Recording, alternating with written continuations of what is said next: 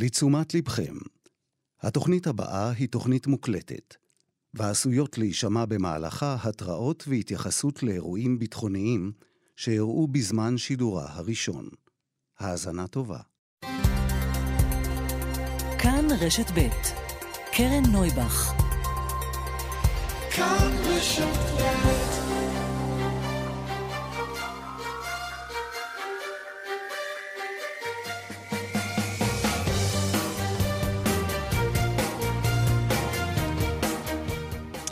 שלום לכם. היום הוא היום המאה ותשעה למלחמה שלנו על הבית. 21 לוחמים נפלו אתמול בקרבות ברצועת עזה, זה אירוע קשה מנשוא. 17 שמות הותרו עד כה לפרסום, שמעתם אותם במהדורת החדשות. שם אחרי שם, שם אחרי שם, כל אחד מהם עולם ומלואו, שהשאיר אחריו עולם ומלואו. עוד לפני כן נפלו שלושה קצינים נוספים בקרבות בדרום הרצועה, ואנחנו מדברים על 24 חללים בתוך 24 שעות בלחימה ברצועת עזה. כאן באולפן רשת ב', אני קרן נויבך, אנחנו איתכם עד השעה 12, סדר יום עם כל העדכונים החדשותיים ולצידם שיחות עם האנשים עצמם, קרוביהם של החללים, כל הסיפורים שמרכיבים את היום הקשה והמורכב הזה. העורכת היא רבית לוי דמסקי, בהפקה דנית שוקרון ידידיה ואביטל פיקובסקי, על הביצוע הטכני אמיר שמואלי. לפני הכל אנחנו אומרים שלום לכרמלה מנשה, הפרשנית שלנו לענייני צבא וביטחון. שלום כרמלה. שלום אה, קרן. בואי נתחיל שמעת. קודם כל באירוע הקשה, שבו נופלים 21 לוחמים אה, באירוע אחד ברצועת עזה. מה קרה שם? מה אנחנו כבר יודעות להגיד שקרה שם? כוח משולב של חי"ר הנדסה ושריון מגדוד מילואים 8208 שפועל במשימות הגנה בגזרת כיסופים במרכז העוטף, הגיע אתמול למשימת חישוף השטח אה, ברצועת החיץ שאוגדת עזה מקימה לקראת היום שאחרי המלחמה למה שמכונה הפרימטר, ששם אה, להרחיב את הפרימטר כדי לשמור על תושבי הרצועה, להרחיק אותם על תושבי, סליחה, העוטף, כדי להרחיק אותם כמובן מהרצועה. במסגרת הפעילות הזאת שנעשית יום-יום צה"ל הורס אה, מטעים, בתים פלסטינים ששולטים בתצפית ובאש על אה, הצד הישראלי. ככה נהרסו אה, בתים רבים. כחלק מהפעילות איתרו הלוחמים מקבץ של עשרה מבנים דו-קומתיים, 600 מטרים מגדר הגבול בצד העזתי, אה, שאותם הם היו צריכים בעצם להרוס. אה, כוח הנדסה שהחל למלכד את המבנים לקראת הפיצוץ, תוך כדי שכוח השריון והחי"ר מאבטח את הפעילות הזאת. סמוך לשעה ארבע, מחבל אחד קרב לנקודה לאחר שיצא ככל הנראה מפיר, ירה טיל RPG לעבר הטנק שאבטח את הפעולה. שני לוחמים, כתוצאה מכך שהיו בטנק, נהרגו, שניים נפצעו. במקביל טיל נ"ט נוסף שוגר על ידי החוליה לעבר הבתים, שני בתים צמודים שבהם שהו עשרות לוחמים כחלק מהפעולה. אה, פיצוץ טיל ה-RPG במבנה הוביל לפיצוץ מוקשים רבים של הכוח שהיו במבנה וגרם לקריסה מלאה של הקומפלקס הדו-קומתי. כתוצאה מהפיצוץ האדיר שנוצר נהרגו החיילים. דובר צה"ל, תת-אלוף דניאל הגרי, אמר רק בוקר כמובן אמר שמדובר באירוע קשה מאוד, בואי נשמע אתמול. קטע מהדברים כן. שלו, הוא אה, כן. אכן הופיע כדרכו, אה, דווקא באירועים הקשים, הוא זה שמופיע אל מול המצלמה ומעדכן את הציבור הישראלי. הבוקר, קצת לפני השעה שמונה, דובר צה"ל אה, מספר את הדברים הבאים על האירוע הזה. הנה. במהלך הלחימה במרכז רצועת עזה נפלו 21 לוחמי מילואים. הכוחות פעלו במרחב שחוצץ בין היישובים הישראלים בעזה בסמוך ליישוב כיסופים. הכוחות הסירו מבנים ותשתיות טרור במרחב, במרחב כ-600 מטר מהגבול. משימה זו היא ליצירת התנאים הביטחוניים לחזרתם של תושבי הדרום לבתיהם. לפי הידוע לנו בשלב זה, סביב השעה 4, ככל הנראה נורה טיל RPG על ידי מחבלים לעבר טנק שהבטיח את הכוח. ובמקביל לכך אירע פיצוץ של שני מבנים דו-קומתיים. המבנים קרסו כתוצאה מהפיצוץ הזה, בשעה שמרבית הכוח נמצא בתוכם. בתוכם ובסמוך אליהם. המבנים ככל הנראה התפוצצו כתוצאה ממוקשים שכוחותינו הטמינו בהם והיו לקראת תהליך של פיצוץ המבנים ותשתיות הטרור במרחב. עד כה הותרנו לפרסום את שמותיהם של עשרה חללים ובשעות הקרובות נתיר לפרסום את שמות הנופלים הנוספים. כאמור, מאז הותרו לפרסום אה, שמותיהם של עוד שבעה חללים. שמענו את כל שמותיהם של השבעה עשר במהדורת החדשות, ונותרו עוד שמות שלא פורסמו, והגרי אמר, אה, אנחנו מפרסמים את השמות רק לאחר שהמשפחות קיבלו את התמונה המלאה על נפילת כן. יקירם. ראש הממשלה בנימין נתניהו אה, הוציא הודעה עכשיו, אתמול חווינו את אחד הימים הקשים ביותר מאז פרוץ המלחמה. אני מבקש לחזק את המשפחות. אה, אני מבקש אה, לחזק את המשפחות, אלה הדברים של ראש הממשלה היקרות של לוחמינו הגיבורים שנפלו בשדה הקרב. אני יודע שעבור המשפחות הללו חייהן השתנו לעתיד. אני דואב על חיילינו הגיבורים, אני מחבק את המשפחות. צה"ל פתח בבדיקה של האסון, אנחנו חייבים להפיק את הלקחים הנדרשים ולעשות הכל כדי לשמור על חיי לוחמינו בשם גיבורינו למען חיינו. לא נפסיק להילחם עד לניצחון המוחלט. כן. גם uh, שר הביטחון, דברים uh, דומים. Uh, אתמול, בשעות הערב, היו הרבה מאוד שמועות, mm-hmm. והגיע אליי טלפון של אדם שביקש ממני לבדוק הוא לא עונה לטלפון, אח שלי לא עונה לטלפון, אני מבקש ממך לבדוק אם הוא ברשימות. כמובן שזה לא התפקיד שלנו להודיע, וכמובן שגם אם אנחנו יודעים, אנחנו לא יכולים להגיד, אבל זה היה נורא. קטע כל כך קשה. בסופו של דבר הוא, כן, הוא נהרג. בסופו אבל... של דבר הוא נהרג. הוא נהרג, כן, וגם uh, זה קשה. קשה. Uh, וגם אתה, צלצלתי, צלצלתי הבוקר, ו... הוא הוא כעס קצת שלא עדכנתי אותו, אבל אנחנו צריכים להסביר, זה לא התפקיד שלנו להגיד את הדברים האלה, להפך. אנחנו צריכים שיגידו את זה למשפחה בצורה מסודרת ואחראית. כן, אה, זה, יש אנשים שזה תפקידם, לבוא ו... נכון, זה לא תפקידם. להציג את המידע הזה למשפחות בצורה באמת הכי מותאמת והכי נכונה. וכרמלה, וכל זה, צריך להגיד, אה, זה קורה כי צה"ל נלחם. זה קורה נלחם. בכל מלחמה, אגב, כל הדברים האלה. אנחנו, ככל שמלחמה נמשכת, אה, האירועים האלה היו בכל המלחמות, גם במלחמת לבנון הראשונה, גם במלחמת לבנון השנייה. אלו אירועים שאתה מסתכל ואומר, רק שזה לא יגיע, אה, אני לא רוצה לתת דוגמאות, כי באמת זה לא, אבל זה ממש מול העיניים שלי אסון צור ועוד מאה הרוגים פלסטינים אה, בכפר כנא, אה, לבנונים, ועוד גם, גם עכשיו, מול, בסיפור של המנהרה והפיצוץ של המשאית. האירועים האלה קורים, החיכוך הוא כל כך גבוה, okay. כן. העבודה היא כל כך מורכבת.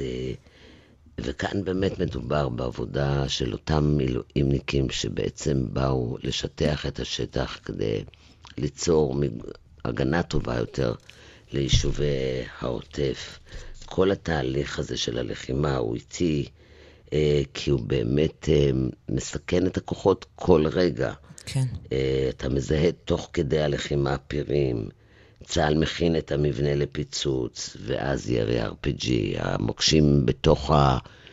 בתוך המבנים, ממתינים לפיצוץ, החימושים, ואז ירי RPG לעבר uh, המבנים, שהם כבר מחומשים עם מוקשים, שנמחו שם כוחות כן. צה"ל, ואחר כך הירי לעבר הטנק, והלחימה הזאת נמשכת, וחיילי המילואים ממשיכים להיות שם uh, שלושה חודשים, חודשיים.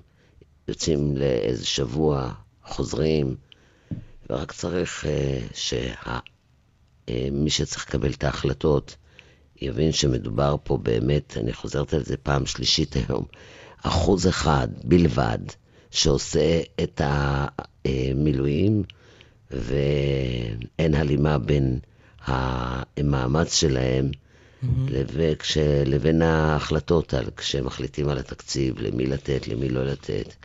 ועל זה נדבר באמת פעם אחרת, על, ה, על הבעיות של חיילי המילואים האלה שכבר מתחילות לצוף. כן, כשהם חוזרים הביתה. כרמלה מנשה, כן, הפרשנית שלנו לענייני צבא וביטחון, תודה רבה בשלב הזה. תודה. אמ, שום חזית אינה רגועה בבוקר הזה, אזעקות אה, בצפון אה, לפני לא, זמן לא רב. שלום לחן ביאר. שלום, קרן. תן לנו תמונת מצב. אז אכן היו אזעקות שנשמעו בכמה יישובים באזור הגליל המערבי, היה ירי לאזור הזה עם נפילות אה, בערמשה, באזור שהוא אה, קרוב מאוד אה, לגבול, גבעה שנקראת ג'ורדך, זה ממש נושק לחומת הגבול, ללא נפגעים ונזק, ככל הנראה שלוש נפילות, וזו בעצם הפעם הראשונה שנשמעה אזעקה בגבול הצפון מזה כיממה וחצי. לא שפרק הזמן הזה היה נטול ירי לחלוטין, אבל באופן יחסי מעט אירועים, אנחנו רואים את זה ב, בימים האחרונים, את המגמה הזו, אבל הבוקר אה, נפתח עם אזעקה ועם אה, אותן נפילות ככל הנראה שלוש בשטחים פתוחים.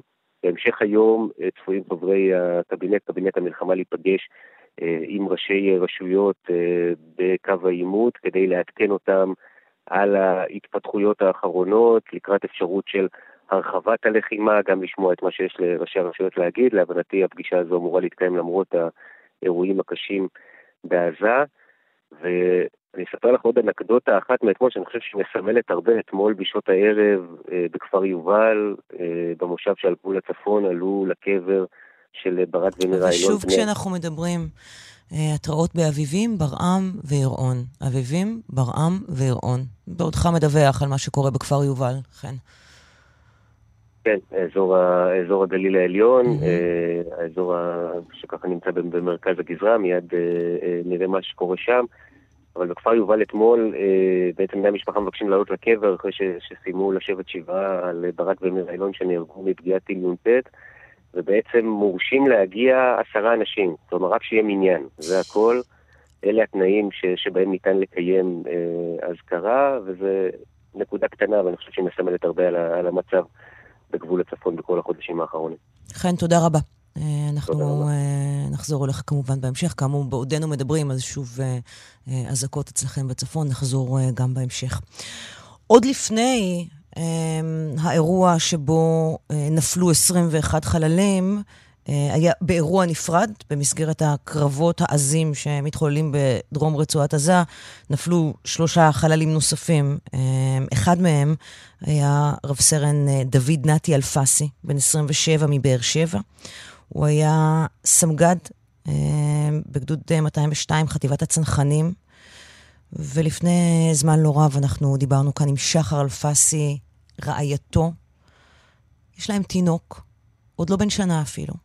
שנותר יתום מאב אה, מאתמול. הנה השיחה עם שחר אלפסי, רעייתו של רב סרן דוד נתי אלפסי, שנפל אתמול בקרבות ברצועת עזה. שלום לשחר אלפסי. שלום, בוקר טוב. אשתו של רב סרן דוד נתי אלפסי, שנפל בקרבות בדרום רצועת עזה. קודם כל, אנחנו משתתפים בצערך, בצערכם. המשפחה כולה, תנחומנו מעומק הלב. תודה רבה. אני מבינה שאתם בדרך, במסע, להלוויה בעצם מבאר שבע לכרמיאל?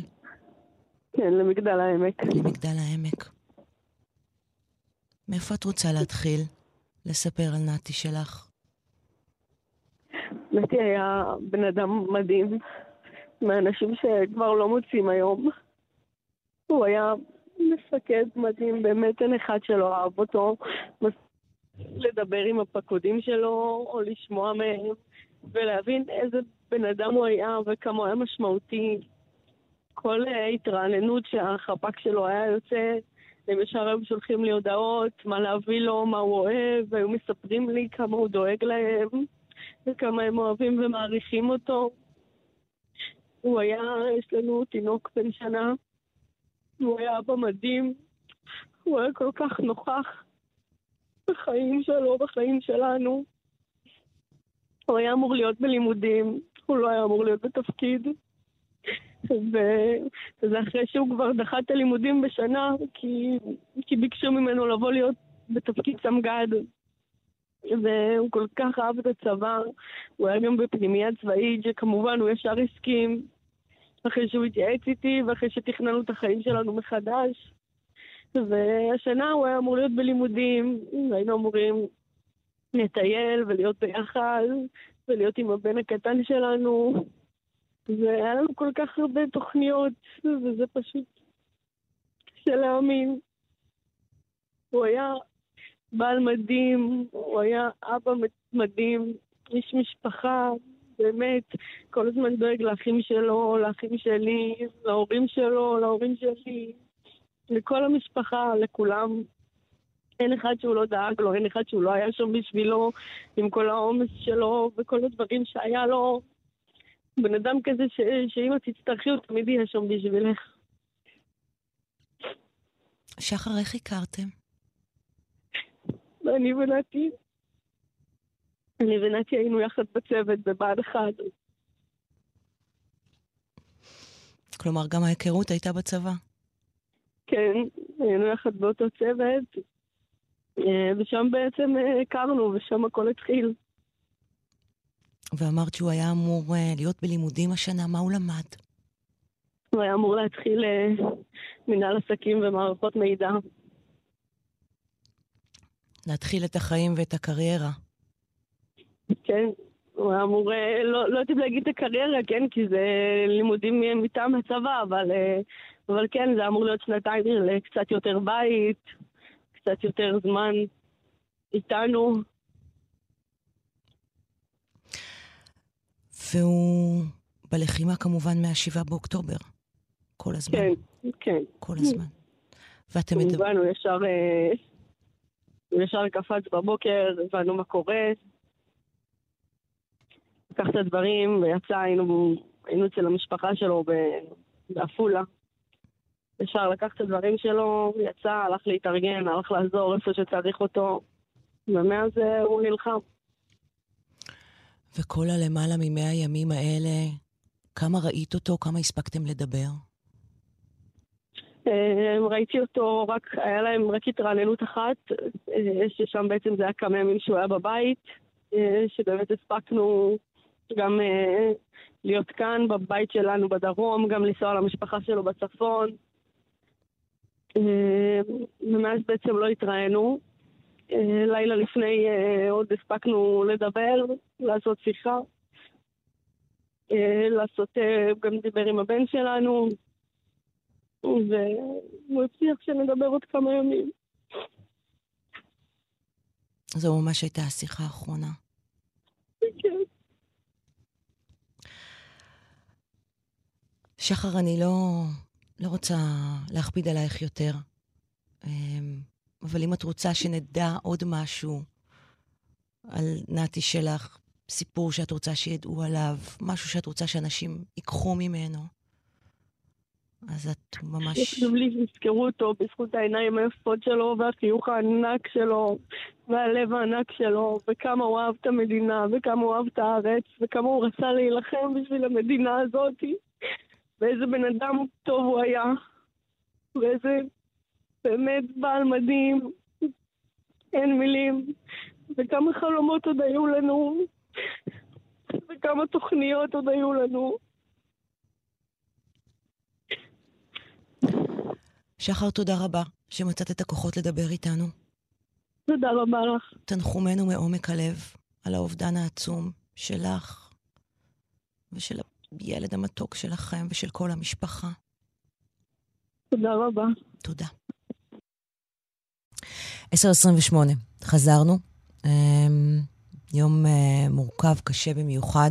אנחנו מדברים על 24 חללים אה, בקרבות ברצועת עזה בתוך 24 ימים, 21 מתוכם באירוע אחד, ושלושה קצינים נוספים באירוע אחר שהיה עוד קודם לכן. עכשיו אנחנו רוצים לשמוע קצת מה קורה בצד הפלסטיני. אה, אומרים שלום לנורית יוחנן, הכתבת שלנו, לענייני התחום הפלסטיני. תנו, תני לנו תמונת מצב.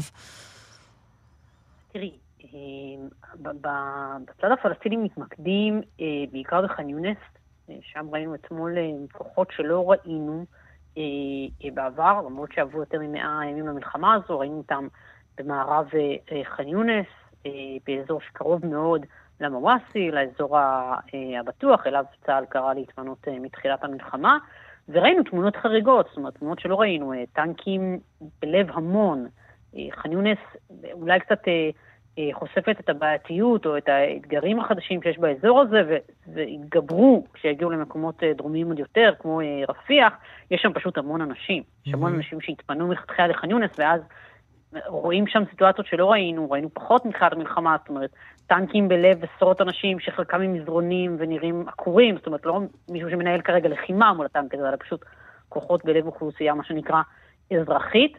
ואנחנו יודעים גם שצה"ל אה, כשהוא ניגש לאזור הזה, מערב ח'אן יונס, גם סימן מקומות מסוימים עם אזרחים כדי לנסות להבין איך אפשר לפעול גם בשטח הזה, כי למרות שיש שם הרבה מפונים, יש גם הרבה כוחות של חמאס, יש שם אה, אה, כמה גדודים, יש שם, אנחנו יודעים, אה, מי שאחראי למרחב הזה, מוחמד סינואר, אה, אחים של אה, יחיא סינואר, זאת אומרת, יש שם הרבה כוחות צבאיים במקביל. אה, ולכן יש שם אה, מורכבות מאוד גדולה, ואגב, אנחנו רואים באמת מאתמול בריחה של תושבים מאזור ח'אן יונס ומהמוואסי לרפיח, בעצם הנקודה האחרונה שבה צה"ל עדיין לא נמצא ברצועה. וזה, והנקודה האחרונה שבה צה"ל לא נמצא, היא גם סלע מחלוקת אה, מדיני בינינו לבין המצרים. נכון. אנחנו שומעות את ה... פרשנים, קצינים לשעבר, שמדברים על הצורך אה, בשליטה מסוימת, אה, אה, על כל מה שקורה שם, הבטחה שמה שהיה לא יהיה מבחינת מעבר של סחורות ודברים אחרים, והצד המצרי ממהר להגיב בתקיפות. נכון, תראי, יצאו דיווחים כבר על העובדה שהמצרים מתנגדים מאוד לכיבוש, מה שנקרא כיבוש של ציר פילדלפי בגבול בין מצרים לסיני, בין, בין עזה לסיני, בין עזה בעצם למצרים.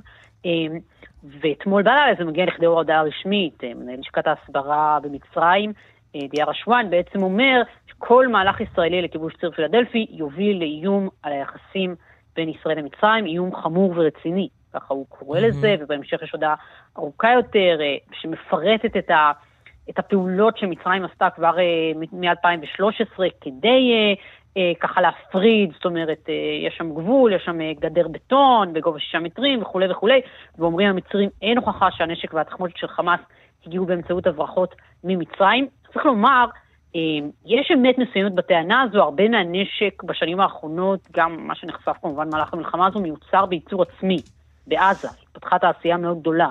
זאת אומרת, זה לא שרוב הנשק הוברח ממצרים. ומאיפה חומרי כן, הגלם?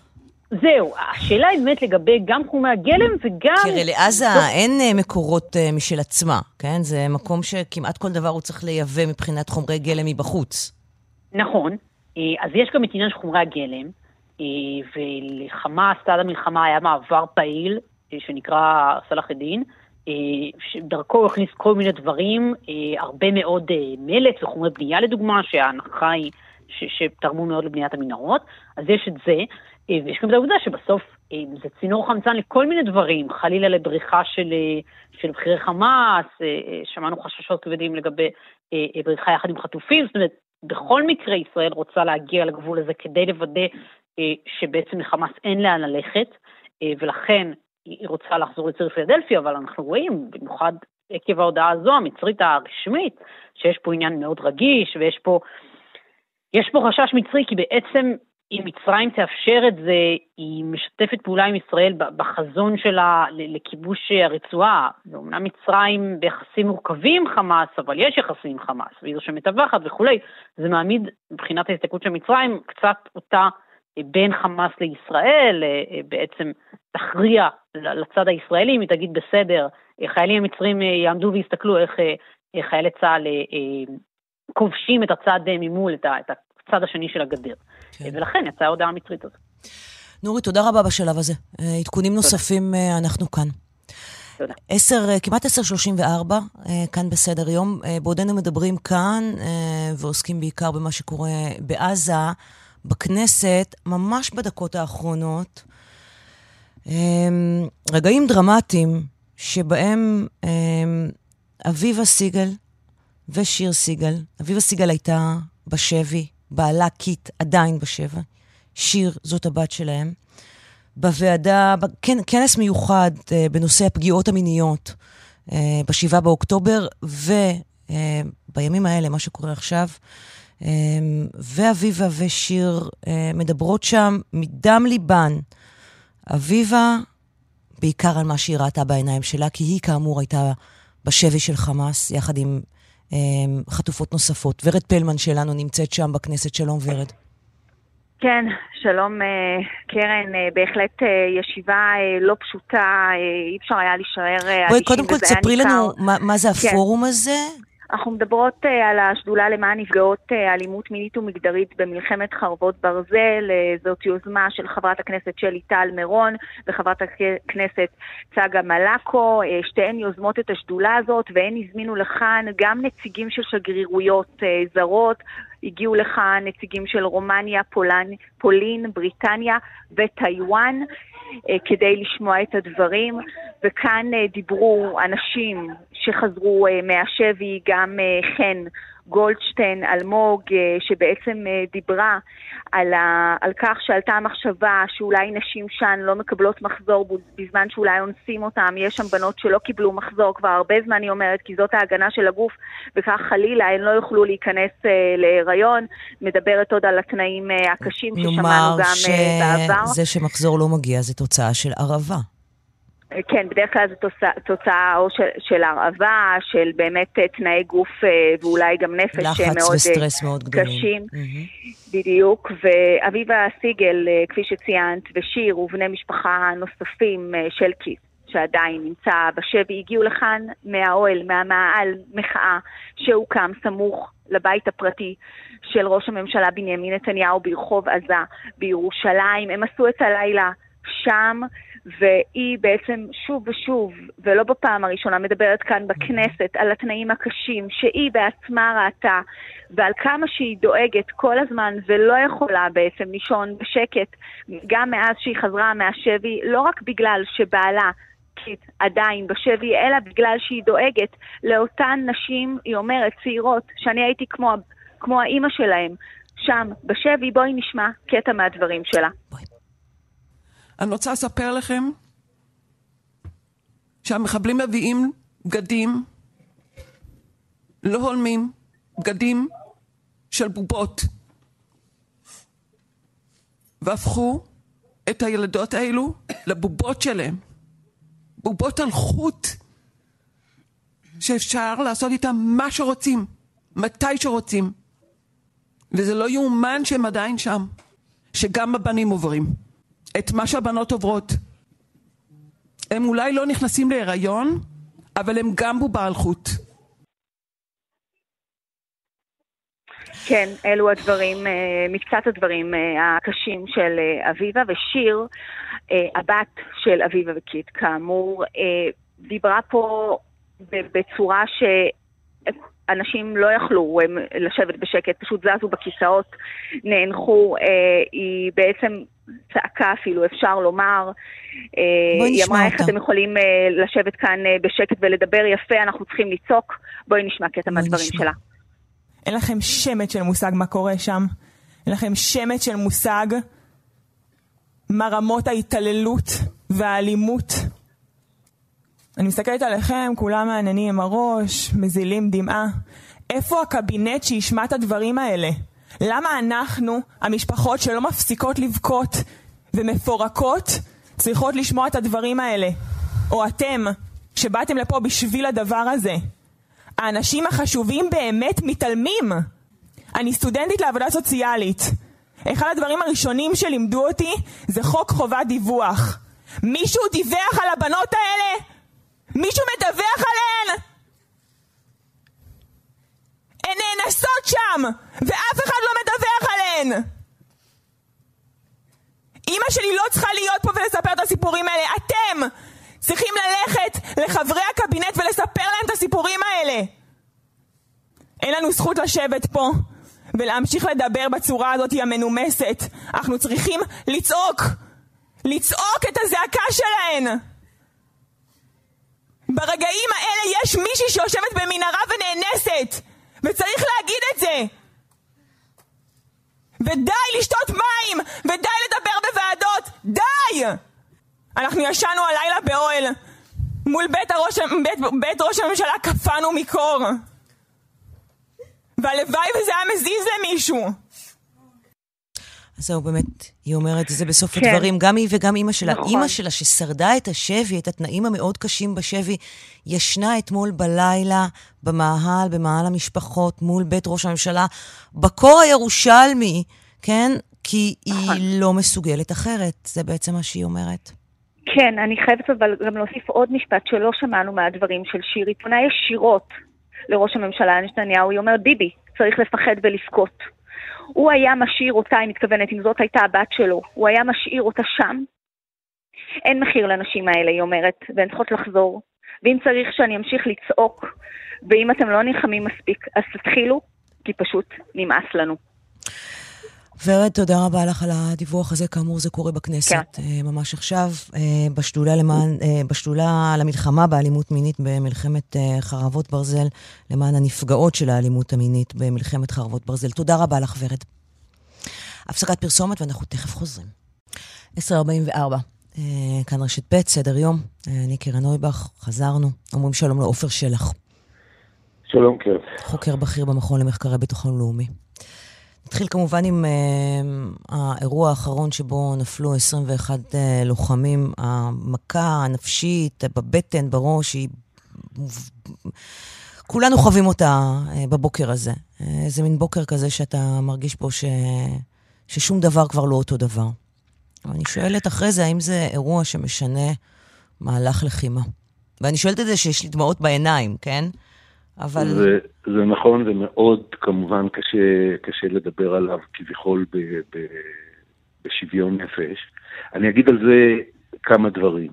אמ, אחד, זה אירוע בכל, בכל מתאר, ואני אה, אה, בשיחות שלנו אמרתי, ואני אגיד גם בשיחה הזו הרבה דברים שהם אה, בבחינת ביקורת על מתאר הפעולה שלנו. אבל בכל מתאר את הפעולה הזו של...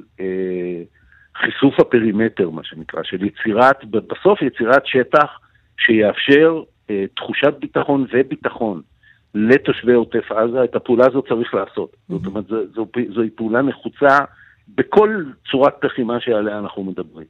אני לא רוצה להיכנס להיבטים הטכניים, א', כי אני לא יודע יותר מאחרים, אה, כן... אה, אפשר היה לעשות את זה אחרת או לא, אבל אני אגיד על זה עוד דבר. כי מתחילות להישמע כל מיני קריאות, למה לא עושים את זה מהאוויר, למה צריכים לעשות את אז... זה עם חיילים בקרקע. יש כן תשובה לטענה הזאת? התשובה היא שלא כל דבר. קודם כל, אני לא יודע, שוב, יש דברים, בגלל זה קראתי דברים טכניים של מה, מה אפשר היה לעשות שם, אבל גם באמת לא כל דבר אה, אה, מפציצים מהאוויר. ויש אה, פיצוץ של הרבה מאוד מבנים. בהרבה מאוד מקומות שנעשה בשיטה הזאת על ידי מוקשים או צורות אחרות של חומר נפץ, mm-hmm. אבל אני אגיד על זה משהו כללי שנדמה לי שגם אמרתי לך בשיחות קודמות. כשצבא נמצא ב... ב... הוא, הוא יותר נייח, נגיד את זה ככה. כשהוא אה, אה, נמצא במקום הרבה מאוד זמן.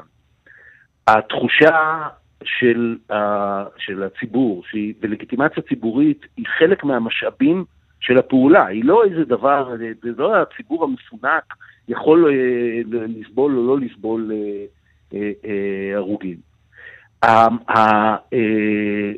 מה שאנחנו רואים לנגד עינינו, בוודאי באירוע נורא כמו 21 הרוגים במכה אחת, אבל גם באירועים אחרים, הוא במחיר עולה בעינינו ומשפיע עלינו הרבה יותר מאשר הסיפורים על הישגים. זה, זה מה שקורה, זה קרה לנו בלבנון לאורך הרבה מאוד שנים, זה קורה למדינות אחרות, וזה צריך להיות חלק מהתכנון והמחשבה על המשך הפעולה, ושוב אני אומר, לאו דווקא לגבי מה שקרה אתמול mm-hmm. אה, קרוב לגבול, אבל באופן כללי.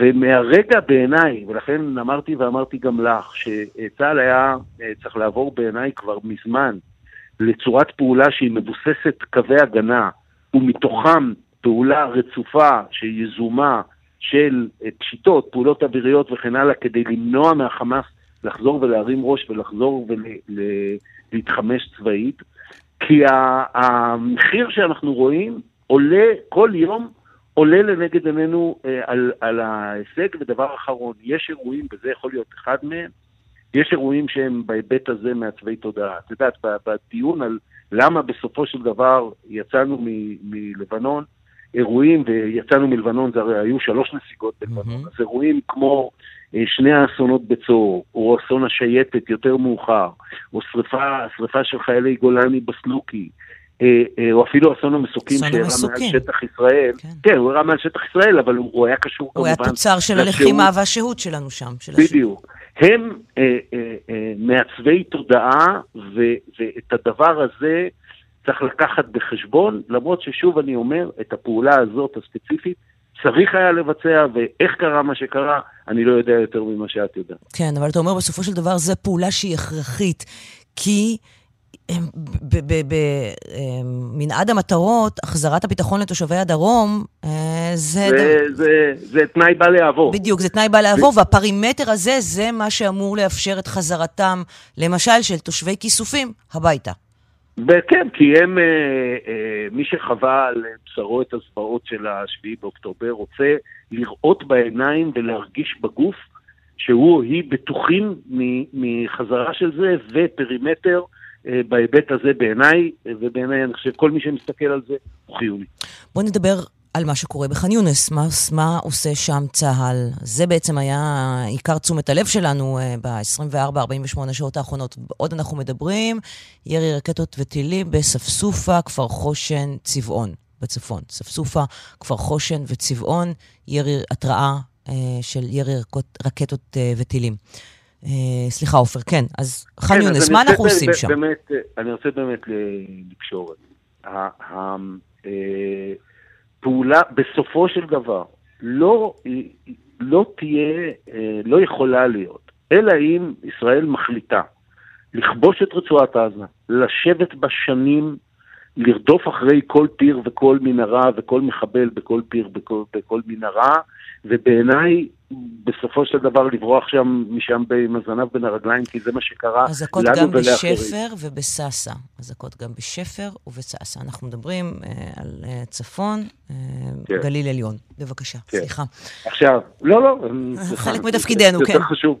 זה יותר חשוב ממה שאני אומר. אה, ונציין ששפר ליד מירון, כותב רובי אמרשלג, שזה לראשונה. אה, אני פחות בקיאה, אם רובי כותב הוא יודע. לראשונה אזעקות גם בשפר ליד מירון. כן, כן אבל במירון כבר הייתה נכון, פגיעה. נכון, כבר הייתה פגיעה. כן. הייתה פגיעה. נכון. עכשיו, אה, האלטרנטיבה היחידה לזה היא אה, מה שקוראים בטעות היום שאחרי, וזה למעשה המסגרת המדינית של הלחימה. כי, וזה אותו דבר גם בצפון, האלטרנטיבה היחידה למלחמה רבתי עם חיזבאללה, שהיא מחיריה גדולים ועל הישגיה אפשר להתדיין, היא מעטפת מדינית שמייצרת שותפות בינלאומית בהובלה של ארה"ב עם, עם מדינות אה, שואפות יציבות באזור שאל מול הציר האיראני, וזה מה שהדבר היחיד בעיניי שיכול להבטיח לנו שגם בעזה לא יקום איום חדש, וגם בצפון תיתכן הסדרה שלא בדרך של מלחמה רבתי. והסירוב לעשות את הדבר הזה. מהיום הראשון של המלחמה, סירוב שהוא, אני לא יודע אם הוא אידיאולוגי או פוליטי, קשור להישרדות הממשלה, אני לא, הוא בעיקר קשור באופן מאוד גלוי לסירוב להגיד את שתי המילים רשות פלסטינית או ישות פלסטינית אחת. Mm-hmm. והסירוב הזה יוצר מצב שבו גם פעולה בח'אן יונס, הבעיה הייתה, אני לא מכיר את פרטיה, ותאמיני לי, לא, לא כך חשודים בהקשר הזה, היא נעדרת הקשר. ופעילות צבאית נעדרת הקשר, היא בהגדרה פעילות צבאית שתיכשל. וגם אם הביצוע האופרטיבי יהיה מצוין, כי שוב, כשהיא נעדרת הקשר אתה לא רואה את ההישג, וכשאתה לא רואה את ההישג, אתה רואה רק את המחיר. וזה קרה לנו בלבנון לאורך הרבה מאוד שנים, וזה קרה לאמריקאים בעיראק, וזה קרה כמעט לכל צבא שהתמודד עם, עם הישות הזאת שאנחנו מתמודדים איתה, שאני חוזר וטוען, אפשר לנצח אותה, אפשר, אבל אה, לא ב, ב, ב, בלי הקשר ובעוד דבר, ואני רוצה לקשור את זה לסוגיית החטופים. הרי ברור לכולם שהשעון של אה, אה, אה, סוגיית החטופים מסתובב הרבה יותר מהר, מתקתק הרבה יותר מהר מכל שעון אחר. החטופים האלה אין זמן. אבל הטיעון שלי הוא שעסקת חטופים עכשיו, וחתירה לעסקת חטופים במחיר של הפוגה ואפילו הפוגה ארוכה, כי סיום הלחימה לא יהיה, הסכסוך הישראלי-פלסטיני לא ייגמר על עסקת החטופים. אבל החתירה הזאת היא לא רק תהיה משום מילוי החובה המוסרית שלנו והצלת חיים פשוטו כמשמעו. היא גם תאפשר לנו לעבור ללחימה, לחשוב שוב על הלחימה ולארגן אותה בצורה אחרת, שהיא בעיניי זו שתבטיח את הניצחון. זאת אומרת, בניגוד למה שאומרים, ראש הממשלה, לא, שר הביטחון... לא, כי הטענה היא מה ש... מה, עכשיו אנחנו נעצור את הלחימה, ניסוג לאחור ולא נחזור להילחם? אם נעשה את זה עכשיו, מדובר בהפסד. אז הפסדנו. אז מה אתה עונה אני, על זה בעצם? על זה, זה הרי הטיעון המרכזי. אני אומר שאין דבר כזה לא נחזור להילחם. המלחמה בינינו לבין חמאס לא תיגמר. אני רק אומר שהיא, קודם כל, אנחנו נמלא את חובתנו כלפי החטופים, ואנחנו נוכל לעבור לצורת הלחימה הארוכה, מתוך קווי הגנה, עם פשיטות וכן הלאה והלאה, ולחדש את הלחימה כשאנחנו, כשזה יהיה ברגע הנכון לנו. זה בעיניי הדרך היחידה, אבל הטיעון שלי הוא בעיקר סביב הטענה שיש סתירה בין מה שקוראים ניצחון על החמאס לבין החטופים. ואני טוען שלא רק שאין סתירה, הדרך היחידה להגיע לניצחון על החמאס היא צורת לחימה שכרגע עסקת חטופים יכולה לעזור לה. והדבר, הצבא הזאת של הדבר הזה בעיניי נובעת מטעמים של כמעט ניגוד העניינים המהותי שנמצא בו ראש הממשלה ונמצאת בו הממשלה הנוכחית, שהרי גם ברור שהפוגה בלחימה היא חידוש הוויכוח הפוליטי בתוך מדינת ישראל. ואני לא אומר שהם פועלים, אני לא, כמו בעיתונות האמריקאית, טוען שבגלל זה ראש הממשלה פועל ככה. אני טוען שיש פה ניגוד עניינים, אני טוען שהדרג המקצועי צריך להצביע על הדרך הזאת, אני טוען שהדרך הנכונה לנו לפעול היא עסקת חטופים עכשיו, ואחריה, בתום ההפוגה שתהיה כתוצאה ממנה, חידוש הלחימה בדרך הנכונה כדי להביא למטרה הצבאית של הסרת האיום של החמאס לאורך זמן, וכמובן שכל זה מגובה ועטוף במעשה מדיני כמו שהוא. אחרת, אנחנו פשוט נפסיד בעיניי בכל החזיתות, בראש ובראשונה בעניין החטופים, אבל גם בניצחון על החמאס. עופר שלח, חוקר בכיר במכון למחקרי ביטחון לאומי, תודה רבה שדיברת איתנו הבוקר. תודה לך, יום טוב. אנחנו uh, סיימנו את uh, שעתנו הראשונה, uh, מתוך uh, שעתיים של סדר יום של uh, יום שלישי בשבוע. אנחנו uh, נחזור אחרי הפרסומות uh, והחדשות, uh, גם נביא עוד uh, מסיפורי הנופלים, גם uh, נדבר עם יאיר מוזס, הבן של גדי מוזס, שפגש אתמול את, את ראש הממשלה. הכל אחרי. תהיו איתנו. כאן רשת ב' קרן נויבך כאן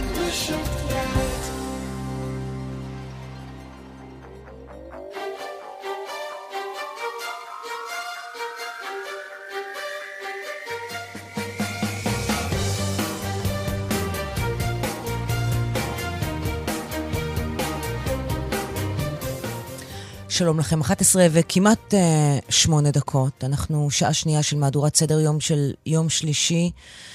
יום שבו באמת הבשורות הרעות לא הפסיקו מלהגיע. אנחנו אה, בבוקר קיבלנו את עשרת השמות הראשונים, זמן לא רב לאחר מכן שבעה שמות נוספים, אה, שבעה עשר שמות של חללים שאותרו עד כה לפרסום מתוך 21 הלוחמים שנפלו בקרב ברצועת עזה.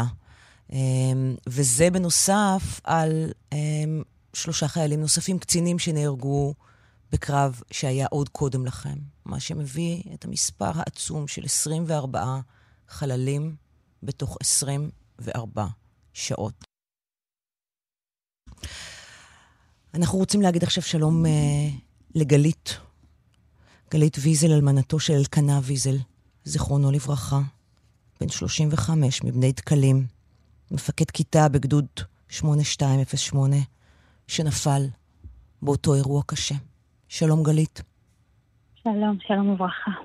תודה שאת מדברת איתנו. בעת הקשה הזאת אנחנו משתתפים בצערך. תודה.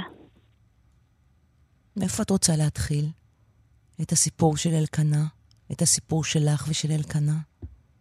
Mm. אה, קצת קשה לי לדבר בעצמי, אני חושבת שאני אבחר אה, להקריא את המכתב שהוא השאיר אחריו. אה, הייתה לי איזו תחושת בטן ואמרתי לו, תכתוב, תכתוב ותשמור. אה, ובדרך נס הגיע אלינו המכתב עכשיו לפני ההלוויה, ואני אקריא אותו, ואני חושבת שהמכתב הזה מספר הכל, מספר על אלקנה ומספר על המצב שלנו בעם. אני, אני רק רוצה שנבין מה אנחנו שומעים, כי, כי, כי זה כל כך עצום ובעל ערך. את אומרת, זה מכתב שהוא כתב, ושהגיע אליכם עכשיו לפני ההלוויה, ואת ביקשת ממנו לכתוב. ביקשתי לכתוב. ביקשתי לכתוב בפעם הראשונה שהוא נכנס, הם, הם לא היו בעזה כל הזמן, הם היו שם בכיסופים ושמרו, והם נכנסו פעם אחת לעזה ולפני כן ביקשתי לכתוב. ועכשיו לפני הפעם השנייה אמרתי לו, כתבת? אה, איפה שמת את זה? אז הוא אמר לי, אני, אני שם את זה במסך פלאפון. ו, ולא מצאו את הפלאפון, ושיגעתי את כל העולם ולא מצאו את הפלאפון עד שחבר יקר אה, אה, פשוט מצא את זה מתחת למזרון שלו, אה, וזה הגיע אלינו וזה אוצר, אוצר יקר בשבילנו. כן.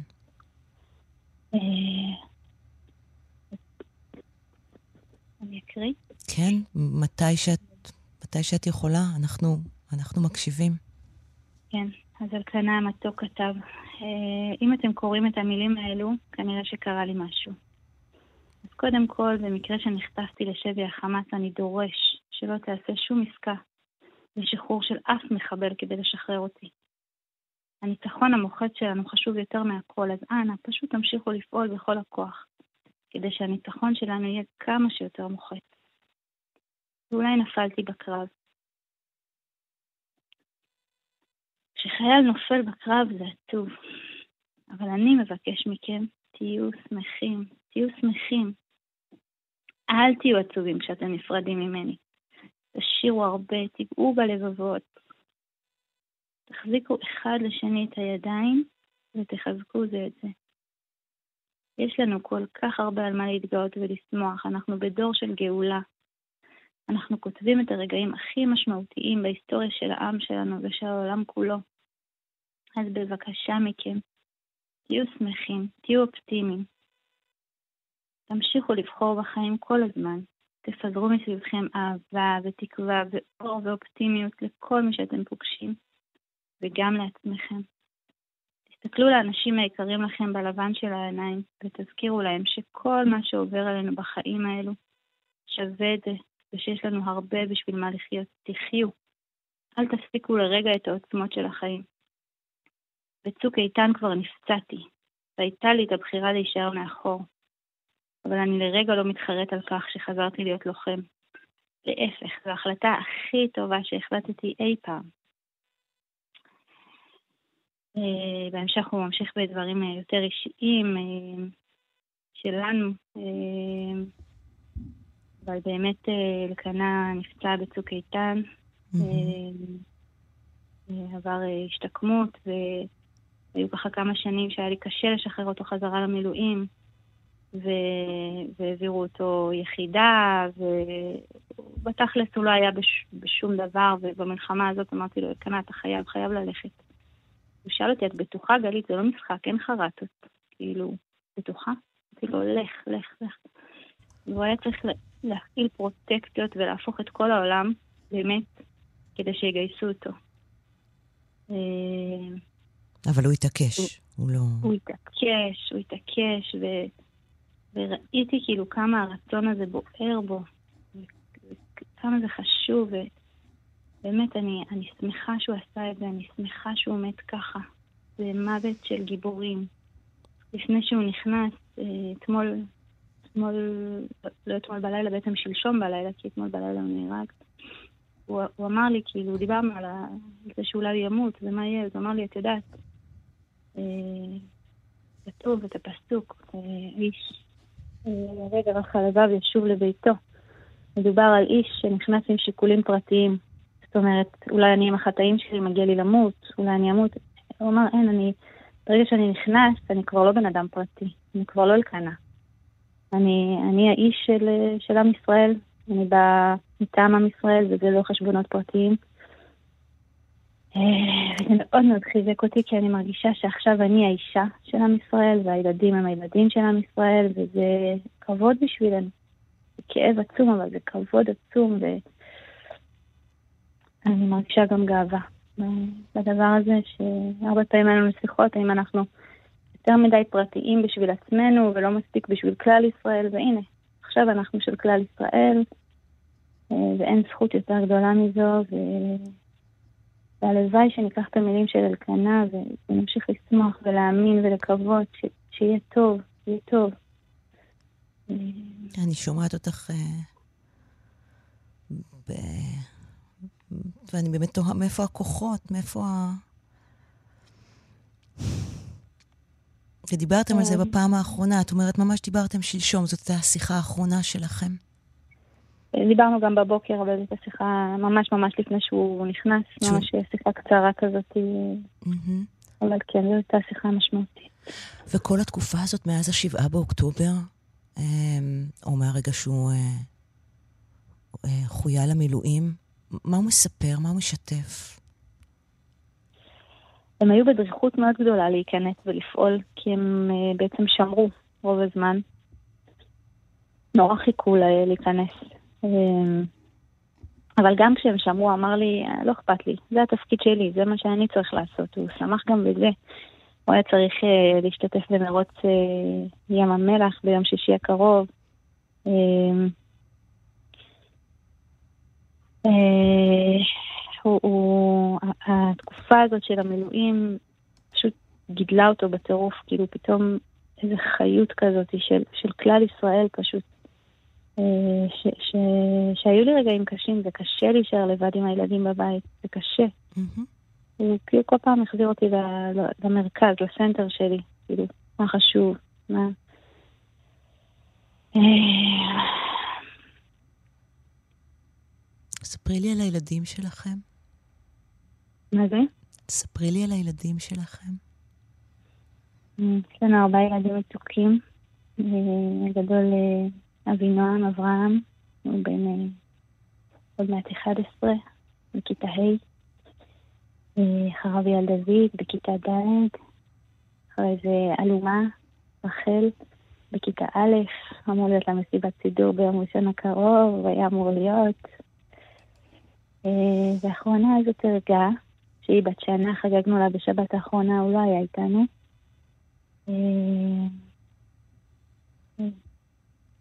הבאנו לעולם פירות מתוקים, כן. שיגדלו ויפרחו וימשיכו את הדרך שלו. מה תרצי שניקח ממנו? שנזכור ממנו יותר מכל דבר אחר?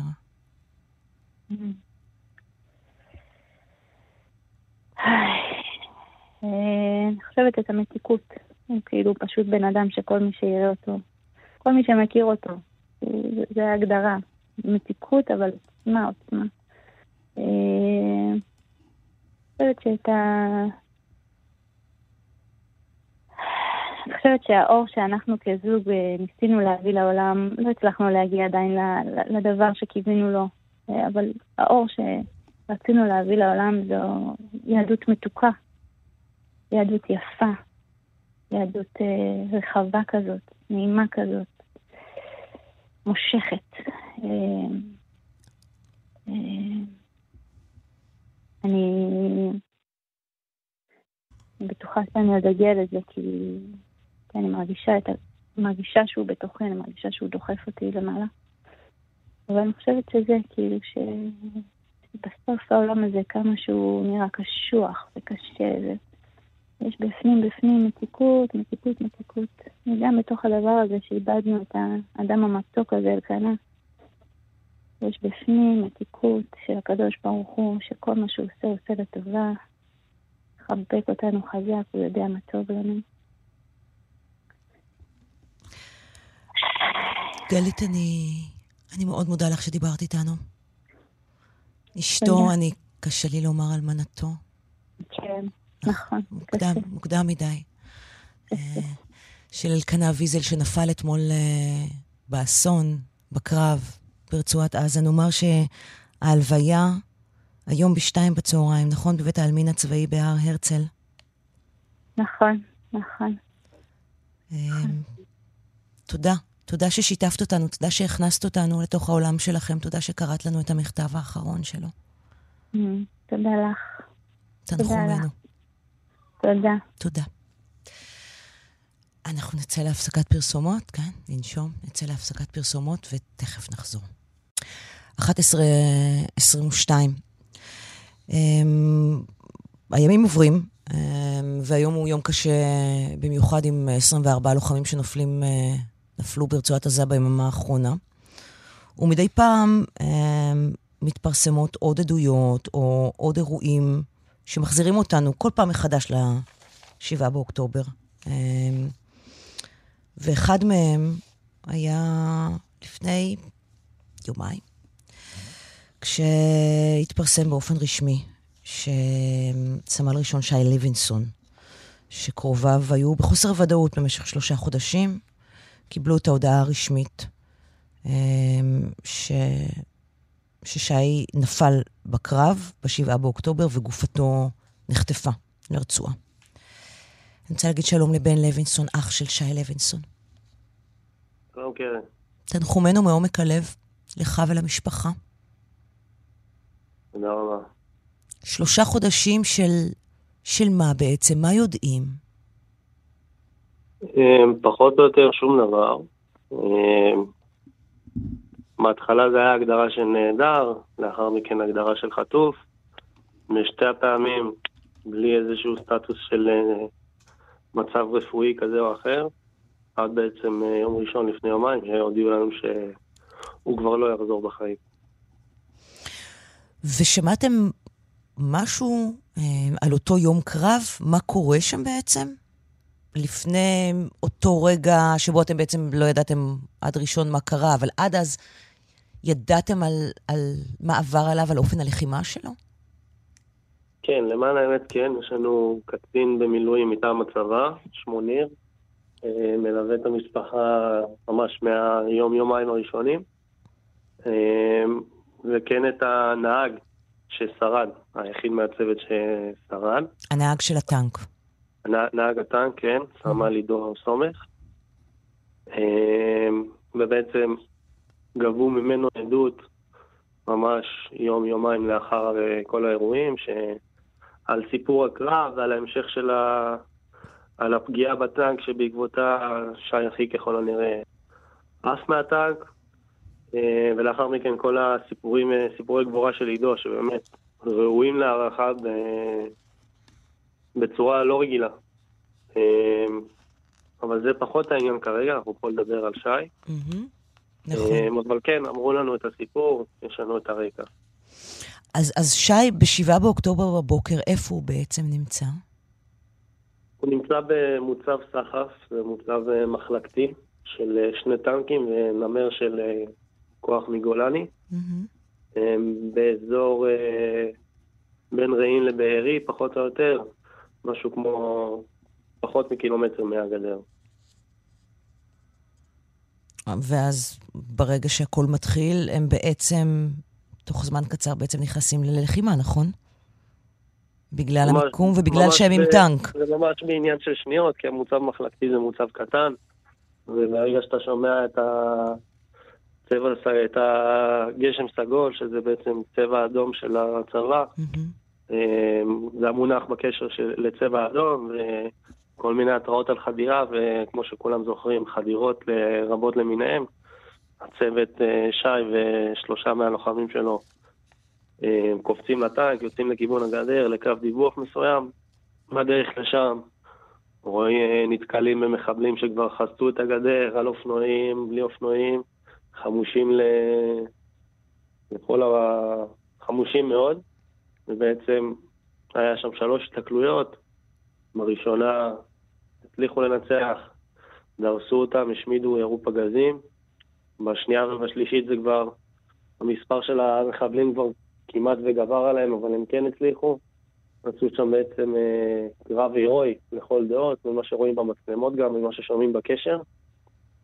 אה, עד שכאמור, ככל הנראה, איזשהו טיל או מטען צד שהוצמד לטנק פגע בו ושי אה, עף מהצריחון כנראה. מה שכן חשוב לי לומר, ש... ביום ראשון שבאו הנציגים של הצבא להודיע לנו, והם הודיעו ששי בעצם כבר נחטף שהוא לא בחיים. לא, יש בכך נחמה? אני לא יודעת. איפה יש נחמה בכלל בכל... תראי, נחמה של 100% בחיים לא תהיה, אבל uh, אני אגיד לך מה אני חושב באופן אישי, אוקיי? אני לאורך כל התקופה הזאת של הלחימה הייתי בדרום, אה, כוח תותחנים, uh, ובחרתי להישאר שם כי, כי ככה חשבתי שאני יכול הכי לעזור לאחי, אוקיי? לשבת בבית בחיבוק ידיים פחות היה הדרך שלי התפיסתית mm-hmm. בכל המורכבות של הנושא. אה, וכן עלו מחשבות של איך הוא ומה קורה איתו שם, ואם יש לו אוכל ואיך הוא ישן, ואם הוא לבד ולא לבד, ועכשיו שאני יודע כבר שהוא נחטף שהוא לא בחיים, זה כן איזשהו חצי נחמה, אבל כמו שאמרתי, זה אף פעם לא תהיה נחמה מלאה. כן. וכאמור, הגופה שלו עדיין שם. ראיתי את התמונות שלו. הוא היה בחור גדול, חייכני, משדר המון חיות וכוח. בטח, כזה הוא היה, אחי. ממש הדבק של החבורה שלו, הוא למד בכדור עם אה, שכבה של 300 אנשים, פחות פלוס מינוס. הוא נגע בכל אחד, לכל אחד היה איזשהו זיכרון, או איזשהו פעם שהוא ראה אותו מחייך והרימה לאותו בן אדם את המורל. היה לו פה את החבורת חברים הקרובה מהיישוב, מהיישובים הסמוכים. אה, שאחד מהם אפילו מספר שכל פעם שהם, שהם היו מגיעים הביתה, גם אם זה לסופה שהוא ממש ממש קצר, שי תמיד דחק בהם לצאת החוצה, להיפגש, למרות העייפות, למרות העומס, למרות ה... הרצון לנוח מהצבא המתיש הזה. אה, וזהו, היה פשוט הדבק של כולם.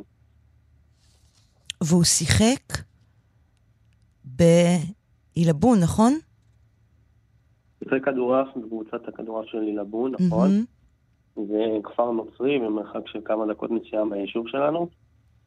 אה, זאת הייתה בחירה לשחק דווקא שם? זאת הייתה בחירה, הוא בא בעקבותיי, שנתיים אחרי שאני הצטרפתי לשם, אה, בתור היהודים היחידים בקבוצה. לא שזה משהו ש... שצריך לעבוד איזשהו עניין, כן? בסופו של דבר הם אנשים ואנחנו אנשים, ולכל אחד פה יש כוונות טובות, והרצון להצליח בנושא מסוים, ספציפית בנושא הזה זה הכדורעף, זה, זה מאחד ומגבש. כן. ושי גם האמין בכל הנושא הזה של הדו-קיום. הוא למד ערבית בבית ספר, הרחיב את זה מבחירה, ועשו עליו אה, סרט גמר. אה, תלמידים מהשכבה שלו עשו עליו סרט גמר, על הדו-קיום, על איך, זה, איך, איך הוא מצליח בעצם להתמודד עם כל זה, כי בסוף זה משהו שהוא לא טריוויאלי בארץ, אין דרך אחרת להגיד את זה. נכון. זה מקסים שאתה כן. רואה בזה משהו מובן מאליו, אבל אנחנו יודעים... אני רואה את זה משהו מובן מאליו, כי באמת, כבר מהימים הראשונים שלי ושלו שם, כאילו, קיבלו אותנו בזרועות פתוחות. אמ, זה ממש המשפחה השנייה, השלישית, הרביעית, חברים לכל, לכל החיים.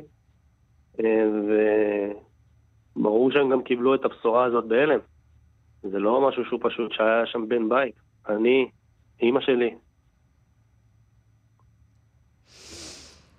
מה עוד תרצה שנדע עליו?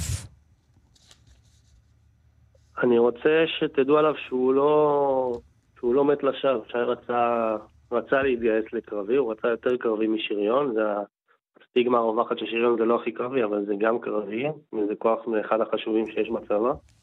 והוא בעצם ויתר על מעמד של ספורטאי פעיל בשביל להתגייס לשירות משמעותי. היה לו, היו לו משקפיים, אז היה לו סעיף ראייה פוסל מיחידות כאלו ואחרות, אבל זה לא מנע ממנו להגשים את הרצון שלו להגיע לשירות משמעותי ולוחם ולהיות מפקד צוות, ואולי בהמשך גם להיות קצין. אמ, וכן חשוב לי שידעו את ה... שיזכרו ממנו את הטוב שהוא הפיץ ואת כל, ה... כל הדברים הקטנים האלה שאף אחד לא אוהב לעשות, בין אם זה להתקשר לחבר לשאול מה שלמה, ולהרים עוד איזה מישהו בכיתה, נגיד, שיושב מבואס בשולחן האחורי, וכל מיני דברים כאלה קטנים. Mm-hmm. וגם את האח הטוב שהוא היה לי ולאחותי הקטנה. אמ, אח, אח מציג ואח אוהב, ואח תחרותי, ואח שכיף להיות איתו. ואומנם לא יצא לנו הרבה להיפגש בשנה האחרונה בגלל שאני והוא היינו בצבא, אבל כל יציאה שלנו ביחד הביתה לסופה שהייתה איזשהו אירוע מכונן, וכן יצאתי עם זה משם עם חוויות וזיכרונות שאני לא אשכח. בן, תודה רבה שדיברת איתנו. אני רוצה להעביר באמצעותך את תנחומינו גם להורים ולאחותכם. אני גם הייתי, אני גם הייתי רוצה להעביר את התנחומים לכל המשפחות שנודע הבוקר לפרסום. כן. זה לא, זה לא משהו שהוא פשוט, בטח בתור אחד שחווה את זה מהזיכרון הטרי. אה, ולהגיד להם שלפחות אני איתם, ואני מקווה שהם כל עם ישראל. אני משוכנעת. אני בטוח בזה. אני בטוחה בזה. זה לא יכול להיות אחרת. ותודה על הבמה לדבר. חשוב לנו לשמוע ולהכיר, לדעת מי הם האנשים שמסרו את נפשם באותו יום וגם בימים לאחר מכן, בשביל שאני אוכל לשבת כאן ולדבר. בין השאר, בשביל שכולנו נוכל ללכת לעבודה בבוקר. בן לוינסון, אח של סמל ראשון שי לוינסון, אמ, שההגדרה הרשמית הוא חלל שגופתו מוחזקת על ידי חמאס בעזה. אמ, אני מודה לך שדיברת איתנו הבוקר. תודה לכם, כן, תודה על הזמן. תודה. 11.33, אמ, בן אה, הוא אחד אה, מכמה וכמה אה, חטופים שמוחזקים כשאינם בחיים אה, כבר. אה, חלקם אה, נחטפו כגופות, חלקם אה, נרצחו במהלך השבי, ויש כמובן את החטופים החיים. אמ, ואנחנו רוצים בדקות הקרובות לנסות להבין יותר אה, היכן אנחנו עומדים ביחס אה, לסיכוייה של עסקת שבויים שנייה, עסקת חטופים שנייה. שלום אה, לכתב התחום המדיני שלנו, סולימאן מסוודה. שלום, קרן. תן לנו תמונת מצב ביום הזה. תראי, אחרי הרבה דיווחים אצלך בתוכנית, שלצערנו אין התקדמות, שהם והדברים, באמת החדשות הקשות ביממה האחרונה, אז לפחות כאן יש איזשהו מסר אה, אופטימי שאנחנו שומעים אתמול, ואתמול אנחנו מדווחים מפיהם של גורמים אה, מדיניים וגם ביטחוניים, שיש התקדמות אה, לעבר עסקת חטופים, מתווה שמקדם את ישראל וקטאר. למעשה קטאר היא, ש...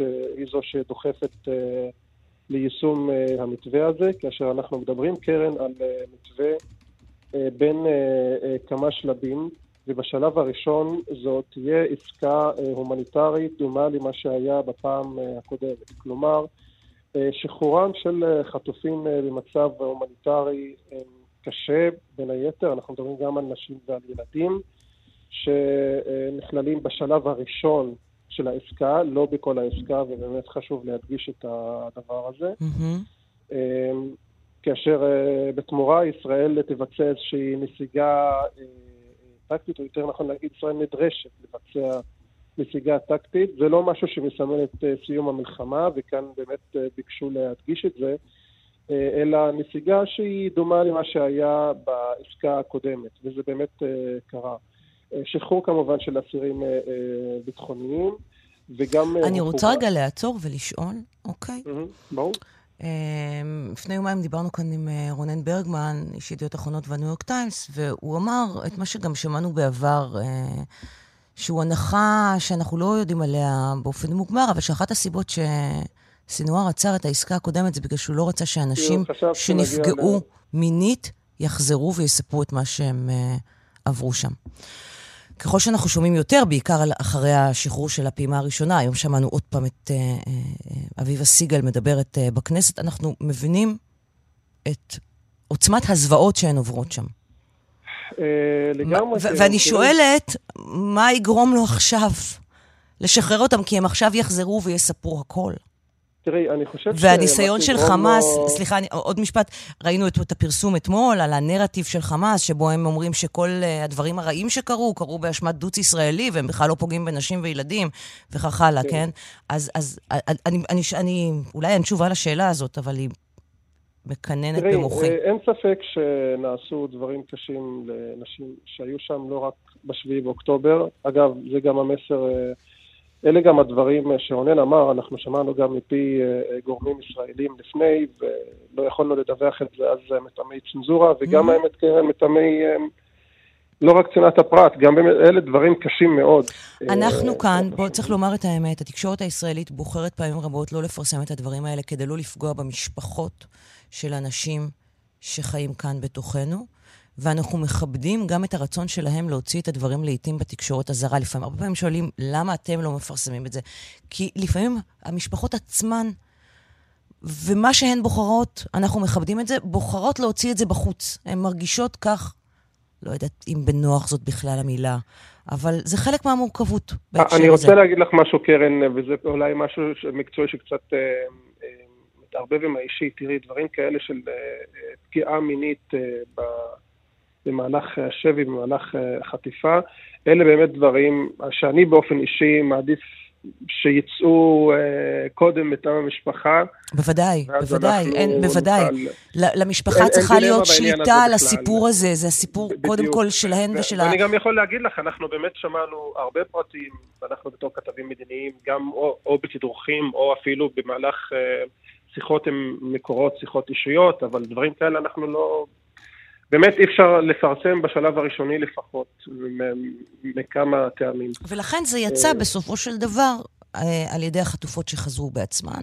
נכון, ולשאלתך, מדוע סנוואר אה, מאותת או לא מאותת שהוא רוצה כרגע אה, להתקדם איזושהי עסקה, למרות שהוא יודע שאנשים שהשתחררו יספרו על הזוועות.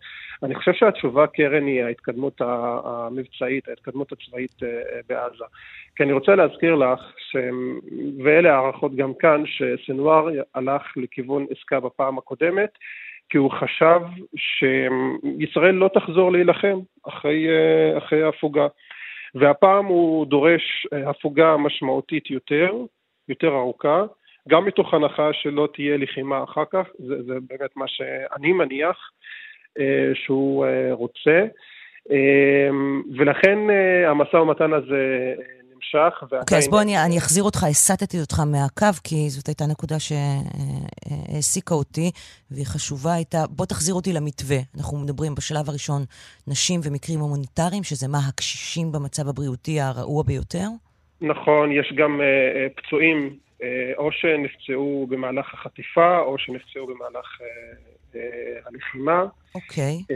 אמ, וזה השלב הראשון, כאשר אנחנו מדברים על כמה שלבים, אני לא יודע להגיד לך במדויק אם מדובר בארבעה שלבים, או אה, יותר, או פחות, אבל המטרה של אה, השלב האחרון היא להביא לשחרורם של כל החטופים על כל המשתמע מכך והמחירים שישראל אה, אה, צריכה אה, לשלם. המחיר שאני שומע, באמת לא רק מהגורמים המדיניים, אלא גם מהגורמים המקצועיים, שישראל לא תשלם, הוא הפסקת המלחמה באופן כולל. זה הקו האדום של, של צה"ל, זה הקו האדום של קבינט המלחמה. ועל זה ישראל עומדת כרגע. אוקיי, okay, שאלה נוספת, אנחנו תכף... כן. מי המת... האם המתו... המתווכים העיקריים כאן זה שוב קטר? מה המיקום של האמריקאים? זה רק קטאר. זה רק קטאר? כי לאמריקאים. היה משקל מאוד לא, לא משמעותי לא, בעסקה הקודמת. אני, אני כמובן מדבר איתך על מי שיש לו מנוף לחץ על חמאס. Mm-hmm. מי שיש לו מנוף לחץ על חמאס זו קטאר. מי שיש לו מנוף לחץ על קטאר שמפעילה את האירוע הזה זו כמובן ארצות הברית. ארצות הברית, אוקיי. אה, ובעסקה הקודמת ארצות הברית אה, עשתה מאמצים רבים עד כדי כך שבאמת גורם מדיני בכיר פעם אמר לי, בזכות ביידן יש הרבה יותר חטופים שחזרו היום הביתה. חזרו הביתה. אה, אבל אין ספק שקטאר... איזושהי הערכת זמן, סולימן? כמה זמן זה ייקח? התשובה, אני... אני לא יודע, היא תשובה לגיטימית. זה מה שרציתי להגיד לך מוקדם יותר, שקטאר אה, הייתה אמורה אה, להודיע אה, לישראל אתמול על תשובת חמאס, אבל ככל הנראה בגלל, אה, אה, בגלל הלחימה הקשה בח'אן יונס, אה, הם ביקשו מישראל לחכות אה, כמה ימים. אמ, אני לא, אני לא יודע להגיד לך, אה, קרן, אם זה דבר אה, טוב או רע, יכול להיות שהשיקול שה, כרגע זה ככל שאתה חונק יותר את חמאס באזור ח'אן יונס, אתה גורם לו אמ, לצאת לעסקה כזאת, אבל התשובה שהייתה אמורה להתקבל אתמול לא התקבלה, בישראל מניחים שתתקבל בימים הקרובים. סולימן, תודה רבה לך. תודה, קרן. שלום ליאיר מוזס. שלום, קרן. הבן של גדי, חטוף מניר עוז בעזה, 109 ימים. נכון. היית אתמול בפגישה עם ראש הממשלה. נכון, הייתי. מה שמעת?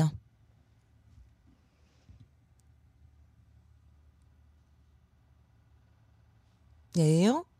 חשבתי שהוא לרגע נושם, אבל נראה לי שהוא uh, עבד לנו מן הקו. Uh, אז בואו uh, נעשה מאמצים uh, להחזיר אותו.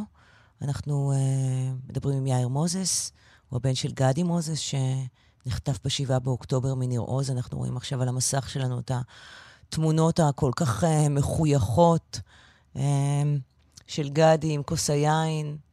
Uh, הפנים הטובות האלה. שהמשפחה לא ראתה כל כך הרבה ימים. יאיר, אתה איתנו? כן, כן, אני איתכם. יופי, תודה. סליחה. שאלתי מה שמעתם בפגישה עם כן, ראש הממשלה. אז אמרתי שבפגישה לא אז לא, לא שמענו- שמענו אף מילה, כי אה, אוקיי, התנתק. זה כאילו אה, שאלתי את. השאלה ובאותו רגע אה, השתרר שקט. אמרתי, לא, השאלה לא הייתה כזאת מדהימה. לא. אמ, אמ, אנחנו לא שמענו איזה שהן בשורות גדולות מראש הממשלה, מה שהוא אמר לנו שיש איזו הצעה ישראלית שהם אה, הגישו אותה והם מתחילים לדון עליה, ואני מתאר לעצמי שזה מה שהתפרסם הבוקר ב... התפרסם הבוקר. אה, מה שאמרתי, שכל הצעה כזאת היא איזשהו פתח לתקווה, איזשהו תקווה שיקרה משהו, אבל מצד שני אתה מאוד נזהר, כי עד שזה לא באמת קורה, אנחנו כולנו יודעים ש... שזה לא עניין פשוט, ואם אתה מצפה יותר מדי, אז האכזבה היא מאוד גדולה. אז יש איזושהי תקווה, מקווים שמשהו יזוז, אבל עד שלא יהיה תכלס, דברים קורים באמת, זה קשה, קשה לטפח את התקוות יותר מדי. אנחנו שומעים את המסר שעולה מראש הממשלה עצמו ומזרועות אחרות של הממשלה, גם שר הביטחון, שרק הלחץ הצבאי יביא את החטופים הביתה. אה, כן, אני אתמול, אתמול בשיחה עם נתניהו, מה שאני יצאתי משם זה שנתניהו משוכנע שזו הדרך היחידה, שהלחץ הצבאי זה הדרך היחידה להשפיע על חמאס, על חמאס וללחוץ עליהם אה, שיגיעו לעסקה. זה מה ש... אני, לדעתי זה מה שהוא מאמין בזה, בנוסף ל... לזה שלדעתי זה חלק מהדרך שלו גם להגיע בסופו של דבר לחיסול החמאס, שהיא מטרה חשובה בפני עצמה, אבל כרגע החזרת ה... כל היקירים שלנו, ואבא שלי ביניהם, היא, היא לדעתי יותר חשובה. ויכול להיות שכן צריך לחשוב מה כן לעשות. עכשיו, ההצעה הזאת מראה שכן יש איזושהי אפשרות אולי של עצירה, ואני מקווה שדברים יקרו, ואנשים יחזרו הביתה. כי ה- המשך הלחץ הצבאי כל הזמן, אמ, יכול שהוא מפעיל לחץ, אבל תוך כדי שהוא קורה זה לא ישחררו אף אחד. זה, זה, זה ברור לך, אתה אומר את זה כמשהו שהוא uh, כמעט מובן מאליו. זה קרה מאז שהשתחררו האחרונים, עברו כבר 50 ימים. אה, ניקח יום אחד או יותר או פחות, אני לא ספרתי בדיוק, ו... ולא קרה כלום. אז אנחנו צריכים, אנחנו מקווים שעכשיו באמת, אם יקרה משהו, אז יבינו שצריך רגע לעשות עצירה, לדאוג לשחרר אותם, ואז, ואז יהיה אפשר אולי, בתקווה, להמשיך ולהשלים עם המטרה הזאת של חיסול החמאס, כי באמת היא גם מטרה חשובה, כי בלי זה לא יהיה שקט ליישובים אה, מסביב לרצועה, ואנשים לא ירצו לחזור. קשה להאמין שאנשים ירצו לחזור בלי שקט. כן, אתם, אה, מי שבא משם, וממשפחתו חטוף, יש פה מין מקום אה, מאוד מורכב. מצד אחד, נכון? הדרך היחידה לחזור הביתה זה שיש שם ביטחון ושקט. מצד שני, נכון. אי אפשר באמת לחזור הביתה לגמרי אם החטופים לא יחזרו. נכון, זה שני דברים ששניהם קשורים, אבל, ה... אבל כרגע החזרת החטופים היא הרבה הרבה יותר חשובה, היא הרבה יותר אה, אה, דחופה, כי הזמן שלהם אוזל. אנחנו, אה, על אבא שלי אנחנו קיבלנו סימן חיים אחד, שגם הוא היה לפני ארבעה שבועות, שאנחנו לא יודעים מתי הוא צולם, וכבר אז הוא נראה מאוד רזה ומאוד תשוש. אנחנו יודעים שיש מעט מאוד אוכל, ואנחנו יודעים שהתנאים לא תנאים. וגם אנחנו כמובן כל הבנות מה שהן עוברות שם, וחיילים צעירים שעוברים התעללויות, אז הזמן אוזל, זה חייבים קודם כל לפעול לשחרורם. אחר כך אפשר לטפל בדברים האחרים. אני מאמין שמדינת ישראל תמצא למצוא את הביטחונות כדי שכן יהיה אפשר להמשיך ולדאוג שלא יקרו דברים כאלה עוד פעם, אבל קודם כל צריך להחזיר אותם, זה הכי חשוב. האות החיים היחיד מאבא היה הסרטון ב-19 בדצמבר, כלומר, נכון. לא לא חזרו מהשבי חטופות או חטופים שהיו איתו? לא. לא. אף אחד לא ראה אותו. אף אחד לא ראה אותו. אף אחד לא ראה אותו. אין לנו שום מושג אם הוא עם עוד אנשים או לבד. אין לנו שום מושג. רק הסרטון הזה, שגם לא יודעים מתי הוא צולם בדיוק, אבל זה הסימן חיים היחיד שקיבלנו. מה אתם יודעים על החטיפה עצמה ב-7 באוקטובר? אנחנו יודעים שהוא הוא החליט שהוא יוצא מהממ"ד ואומר למחבלים שבבית שרק הוא שם, כדי שאפרת, זיכרונה לברכה, דורון והבנות רז ואביב, יישמרו, וזה מה שקרה באותו רגע. לצערנו, אחר כך נכנסו אחרים ולקחו גם אותן. אבל הוא פשוט... ורצחו את אפרת. רצחו את אפרת בדרך לרצועה, נכון. בגופתה הייתה נמצאה בשדות, אבל הוא בעצמו היה גיבור והוציא, יצא לבד כדי שיקחו אותו ולשמור עליהם. כלומר, ואז הם לקחו אותו, בשלב הראשון הם עוד לא ידעו שאפרת והבנות שם? נכון, בדיוק. הם לא, הם לא ידעו, הם התחבאו בתוך הממ"ד, בצד כאילו, כשזה שלא יראו, והוא פשוט יצ... פתח את הדלת של הממ"ד, יצא אליהם, אמר, רק אני פה. נתן להם קצת כסף, חשב שבזה זה ייפתר. Mm-hmm. ואנחנו יודעים כי, כי הם סיפרו לנו, דורון סיפרה לנו שהיא שמעה את זה, ו... אבל לצערנו הם גם לקחו אותו, ו... וזהו. ומאז אנחנו לא יודעים כלום. חשבת שזה יימשך כל כך הרבה זמן? לא חשב. חשבת שמאה ותשעה לא ימים אחרי אנחנו נדבר כאן ככה? בשום סיכוי שבעולם, גם כשזה קרה וגם כשדנו שם, אף אחד לא דמיין בדמיונות הכי גרועים שלו שדבר כזה יכול לקרות. לא לנו ולא לאף אחד אחר. זה, זה משהו מטורף. הבן שלי היה אמור לחגוג ב-19 לנובמבר, לאוקטובר, בר מצווה, ועוד אמרנו, טוב, אולי יחזור, אולי נעשה, כאילו, האמנו שזה אולי יקרה, וזה לא קרה, ואחר כך כל פעם ניסינו לחשוב על איזשהו תאריך אחר, ושום דבר לא קרה, ואף אחד לא יכל לדמיין, אני חושב, גם אחרי שזה קרה, שזה יימשך כל כך הרבה זמן, ולצערנו עדיין לא רואים את הסוף, עדיין אין סוף, זה הכל עוד באוויר ואין שום דבר גמור, ועד שלא כולם יחזרו, זה לא ייגמר הדבר הזה. אמ, אנחנו מציעים לבני המשפחה, בשביל הסיכוי הקלוש, שאולי במקרה הם שומעים אותנו עכשיו, שאולי במקרה יש שם איזה טרנזיסטור והם שומעים רשת ב'. אמ, אם אתה רוצה לפנות בפנייה ישירה לאבא ולהגיד לו מה שאתה רוצה, הבמה שלך. כן, שאנחנו מתגעגעים אליו ואוהבים אותו, ועושים כל מה שאנחנו יכולים כדי שהוא יחזור אלינו כמה שיותר מהר. וזהו, כאילו, באמת, אנחנו ממש, אה, עודד, מורן ואני בסדר עם כל הילדים שלנו, ואנחנו פשוט דואגים לו ומחכים שהוא יחזור אלינו כמה שיותר מהר, ועושים כל מה שאנחנו יכולים. כן. אני רואה, אתה לא נח לרגע, אתה בכל לא. מקום. משתדל להיות כמה שאפשר. כי לשבת בבית אי אפשר. אתה רק משתגע שאתה יושב בבית. אז, אז אתה חייב להיות פעיל, לעשות משהו, וזה מה שנותן את הכוחות להמשיך. לפגוש עם אנשים, לספר את הסיפור, אה, להרגיש שאתה עושה משהו, כל מה שאתה יכול, כי, כי אני, אני מבחינתי, זו הדרך היחידה שלי להרגיש, אה, לקבל את הכוחות להמשיך. רק לשבת בבית, אתה רק שוקע במחשבות לא טובות. אנחנו רואים על המסך את התמונות, הוא, הוא עם כוס יין כל הזמן.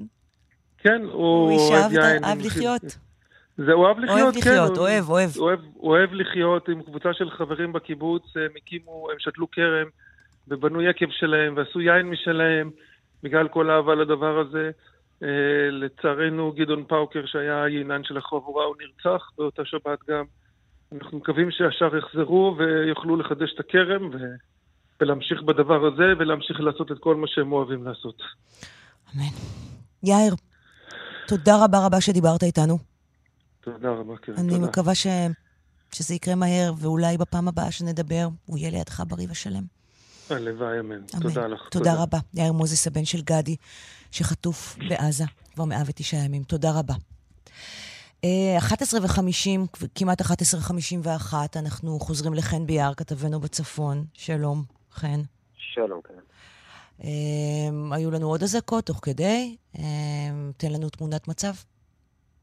אה, כן, שני מטחים בשעתיים האחרונות. המטח האחרון אה, כוון, כך לפי הודעת לקיחת האחריות של חיזבאללה לבסיס יחידת הבקרה האווירית במירון, זה אותו בסיס שכבר אה, ספג אה, פגיעה מירי בשבועות האחרונים. אה, מטח של 12 רקטות, היו יירוטים, היו גם נפילות בשטחים פתוחים ללא נתבעים באירוע הזה. הייתה אזעקה שנשמעה גם באזור מירון, שכמובן זה אזור שלא פונה, גם במושב שפר, שהוא אפילו מדרום לצפת, בין כרמיאל לצפת. ייתכן שהאזעקה הזו שם נשמעה בגלל שיגור המיירט, אבל זה אזור שפחות מוגבל בכל הנושא של אזעקות במלחמה הזו, והפעם האזעקה נשמעה גם שם. עוד קודם, במהלך הדיווח הקודם, היה ירי לאזור של אביבים ויראון, שם שמונה רקטות עם נפילות בשטחים פתוחים. נאמר, אני לא יודעת אם זה יצא לפועל, אמ, כי זה נקבע לפני אה, האירועים הקשים אה, ברצועה, שראשי המועצות אה, של אזור הצפון היו אמורים להיפגש היום ב-12 בצהריים עם ראש הממשלה. פגישה שהם דרשו מזה זמן, כי כמעט כולם, ואנחנו שוחחנו כאן עם uh, רובם בשבועות האחרונים, מדברים על הפקרה מוחלטת של הצפון. אני אפילו לא מדברת על הצד הביטחוני, אני מדברת על צד כלכלי-אזרחי. כל אחד מהם מתאר במפורט מה קורה אצלו מבחינת נטישת היישובים, מבחינת היעדר המענה, והיום ב-12 הם היו אמורים uh, להיפגש עם ראש הממשלה. אה, נכון, להבנתי גם עם, בכלל עם חברי קבינט המלחמה, אה, להבנתי, אני לא בטוח שזה יהיה ב-12, אבל הפגישה הזו תתקיים למרות האירועים הקשים אה, בעזה, לפחות נכון לפני שעה. היא לא בוטלה והיא צפויה להתקיים.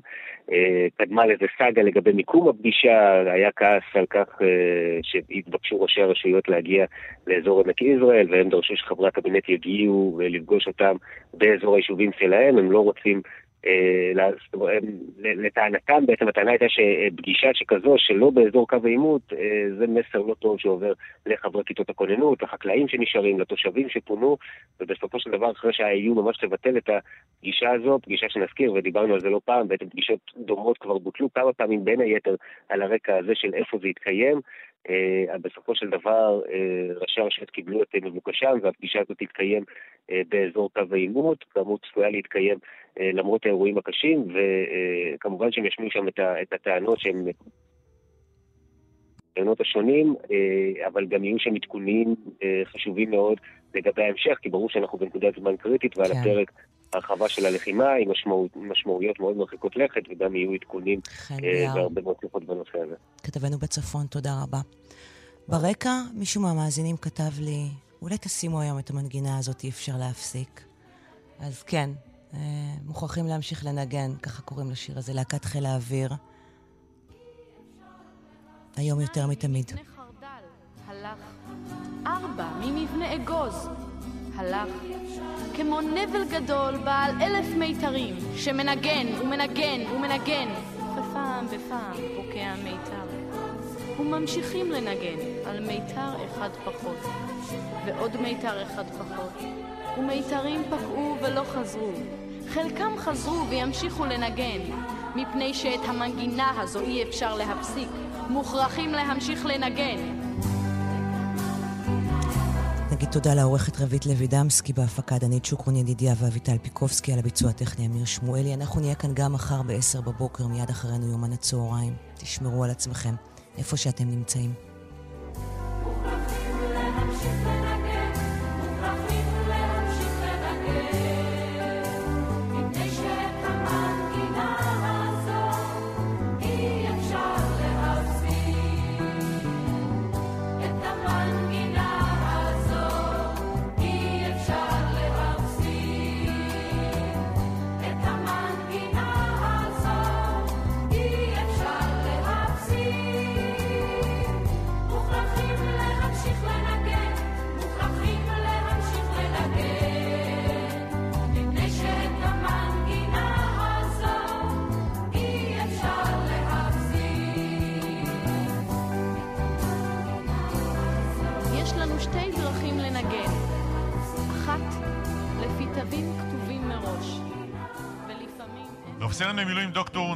אש. לכולנו הייתה את המטרה האחת הזאת למען המדינה נקרא לזה. זה פתאום גימד את כל הדברים האחרים. אני חושב שחמאס עשה את הטעות האחרונה שלו. הוא בעצם איחד אותנו והביא את כלייתו העצמית. אתה מביט לאחיך בעיניים שעכשיו יצאת איתו ממשימה מתוך עזה ושמרתם על הגב אחד של השני. יש אהבה, יש אמפתיה במבט. שנינו רוצים את הטוב ביותר לעם, למדינה, לחברה שלנו. כאן רשת ב' אנחנו כאן.